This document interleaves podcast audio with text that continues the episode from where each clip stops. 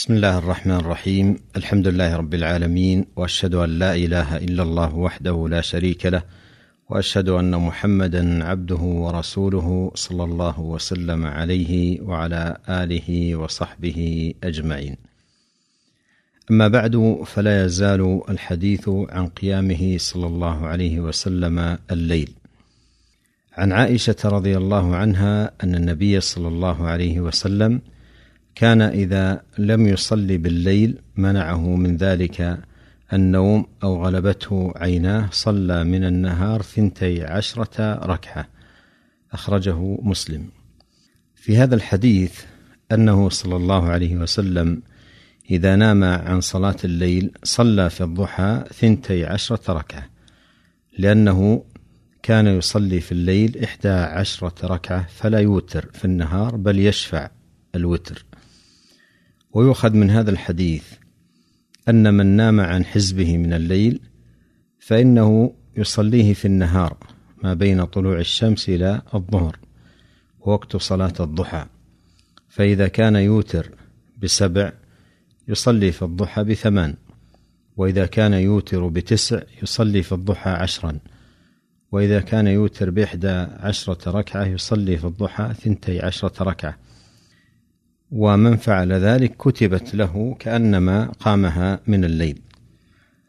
وعن عوف بن مالك رضي الله عنه قال كنت مع رسول الله صلى الله عليه وسلم ليلة فاستاك ثم توضأ ثم قام يصلي فقمت معه فبدأ فاستفتح البقرة فلا يمر بآية رحمة إلا وقف فسأل ولا يمر بآية عذاب إلا وقف فتعوذ ثم ركع فمكث راكعا بقدر قيامه ويقول في ركوعه سبحان ذي الجبروت والملكوت والكبرياء والعظمة. ثم سجد بقدر ركوعه ويقول في سجوده سبحان ذي الجبروت والملكوت والكبرياء والعظمة. ثم قرأ آل عمران ثم سورة سورة يفعل مثل ذلك أخرجه أبو داود. قوله كنت مع رسول الله صلى الله عليه وسلم ليلة فاستاك ثم توضأ. كان من هديه صلى الله عليه وسلم أنه يستاك قبل الوضوء وكذلك يستاك قبل الصلاة. ففي صحيح مسلم عن أبي هريرة رضي الله عنه عن النبي صلى الله عليه وسلم قال لولا أن أشق على أمتي لأمرتهم بالسواك عند كل صلاة ولا حرج من الاستياك في المسجد. قال شيخ الإسلام ابن تيمية رحمه الله أما السواك في المسجد فما علمت أحدا من العلماء كرهه بل الآثار تدل على أن السلف كانوا يستاكون في المسجد. انتهى كلامه رحمه الله. ومن الخطأ أن يشتغل المرء بالسواك حتى تفوته تكبيرة الإحرام. قوله فبدأ فاستفتح البقرة أي بدأها من أولها فلا يمر بآية رحمة إلا وقف فسأل ولا يمر بآية عذاب إلا وقف فتعوذ أي يسأل الله عز وجل إذا مر بآية فيها ذكر رحمة من نعيم أو ثواب ونحو ذلك يقول اللهم إني أسألك من فضلك ثم يمضي في القراءة. وإذا مر بآية فيها ذكر سخط أو عذاب أو عقوبة تعوذ بالله سبحانه وتعالى قائلا اللهم إني أعوذ بك من سخطك. ومثل هذا إنما يكون عند التدبر في معاني القرآن. أما إذا كان المرء لا يتدبر الدلالات ولا يتأمل في المعاني فإنه لا يحصل منه مثل ذلك وهذا الحديث دليل على مشروعية هذا العمل واستحبابه ولا سيما في صلاة النافلة وهو أن يقف عند الآيات التي فيها ذكر العذاب ليتعوذ بالله من عذابه ويقف عند الآيات التي فيها ذكر الرحمة ليسأل الله من فضله. قوله ثم ركع فمكث راكعا بقدر قيامه أي قدر قراءة سورة البقرة كاملة. ويقول في ركوعه سبحان ذي الجبروت والملكوت والكبرياء والعظمة وهذا تسبيح عظيم يستحب للمسلم أن يقوله في ركوعه وفي سجوده وقوله سبحان معناها التنزيه لله عن كل ما لا يليق به من النقائص والعيوب وعن مشابهة المخلوقات. ومن أسماء الله الحسنى السبوح. قوله ذي الجبروت من الجبر ومن أسماء الحسنى الجبار أي ذي الجبروت فهو سبحانه الجبار الذي يجبر القلوب المنكسرة والجبار الذي يبطش بأعدائه ويقسم ظهورهم. قوله والملكوت أي ذي الملك ومن أسمائه الحسنى الملك فهو الذي له ملك كل شيء. قوله والكبرياء والعظمة وصفان لله عز وجل خاصان به فمن ادعى لنفسه العظمة أو الكبرياء عذبه الله يوم القيامة. قوله ثم سجد بقدر ركوعه أي سجد سجودا طويلا بقدر الركوع الذي ركعه. ويقول في سجوده سبحان ذي الجبروت والملكوت والكبرياء والعظمة.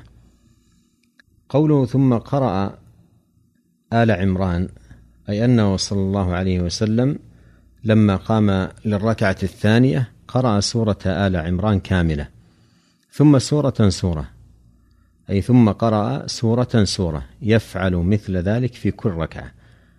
أي يركع بقدر القيام ويسجد بقدر الركوع ويجلس جلسة الاعتدال بقدر ذلك وفي رفعه من الركوع مثل ذلك.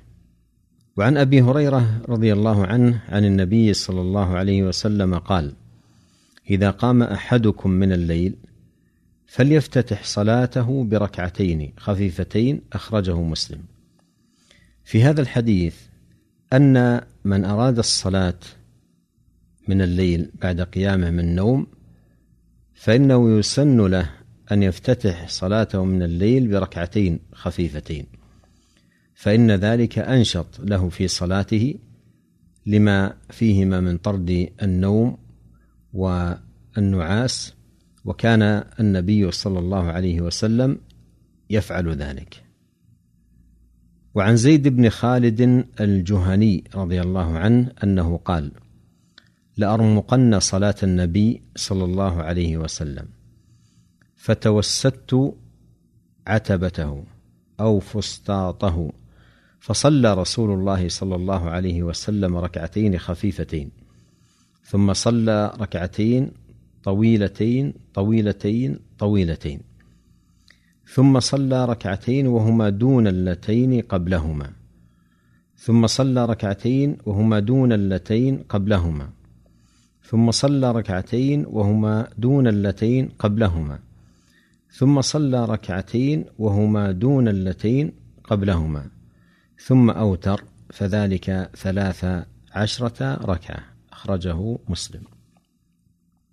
قوله رضي الله عنه لأرمقن صلاة النبي صلى الله عليه وسلم فيه حرص الصحابة رضي الله عنهم على معرفة هدي النبي صلى الله عليه وسلم في قيامه من الليل رغبة في التأسي به عليه الصلاة والسلام. قوله فتوسدت عتبته أو فسطاطه والفسطاط الخيمة. وهذا يدل أن رمقه لصلاة النبي صلى الله عليه وسلم لم يكن في الحضر وإنما كان في سفر وليس معه إحدى زوجاته وإلا لم يكن زيد رضي الله عنه ليفعل ذلك. قوله فصلى رسول الله صلى الله عليه وسلم ركعتين خفيفتين هاتان الركعتان هما المشار إليهما في حديث أبي هريرة رضي الله عنه المتقدم في قوله إذا قام أحدكم من الليل فليفتتح صلاته بركعتين خفيفتين. قوله ثم صلى ركعتين طويلتين طويلتين طويلتين كررها رضي الله عنه ثلاث مرات مبينا طول الركعتين. فكان صلى الله عليه وسلم يطول في قيامه كما يأتي بيانه. وهاتان الركعتان هما أطول ما كان منه صلى الله عليه وسلم في صلاة الليل. قال ثم صلى ركعتين وهما دون اللتين قبلهما ثم صلى ركعتين وهما دون اللتين قبلهما ثم صلى ركعتين وهما دون اللتين قبلهما ثم صلى ركعتين وهما دون اللتين قبلهما ثم أوتر فذلك ثلاث عشرة ركعة. أي أن طول الصلاة يبدأ يقل وينقص. ذكر زيد رضي الله عنه أن النبي صلى الله عليه وسلم صلى ثلاث عشرة ركعة بدءا بالركعتين الخفيفتين. وسبق نحوه عن ابن عباس رضي الله عنهما. والجمع بين هذا وبين قول عائشة رضي الله عنها ما كان رسول الله صلى الله عليه وسلم ليزيد في رمضان ولا في غيره على إحدى عشرة ركعة أن الإحدى عشرة ركعة التي ذكرت عائشة رضي الله عنها بدون هاتين الركعتين الخفيفتين. وعن سعيد بن أبي سعيد المقبري عن أبي سلمة بن عبد الرحمن أنه أخبره أنه سأل عائشة كيف كانت صلاة رسول الله صلى الله عليه وسلم في رمضان؟ فقالت ما كان رسول الله صلى الله عليه وسلم ليزيد في رمضان ولا في غيره على إحدى عشرة ركعة. يصلي أربعا لا تسأل عن حسنهن وطولهن ثم يصلي أربعا لا تسأل عن حسنهن وطولهن ثم يصلي ثلاثا. قالت عائشة رضي الله عنها قلت يا رسول الله أتنام قبل أن توتر؟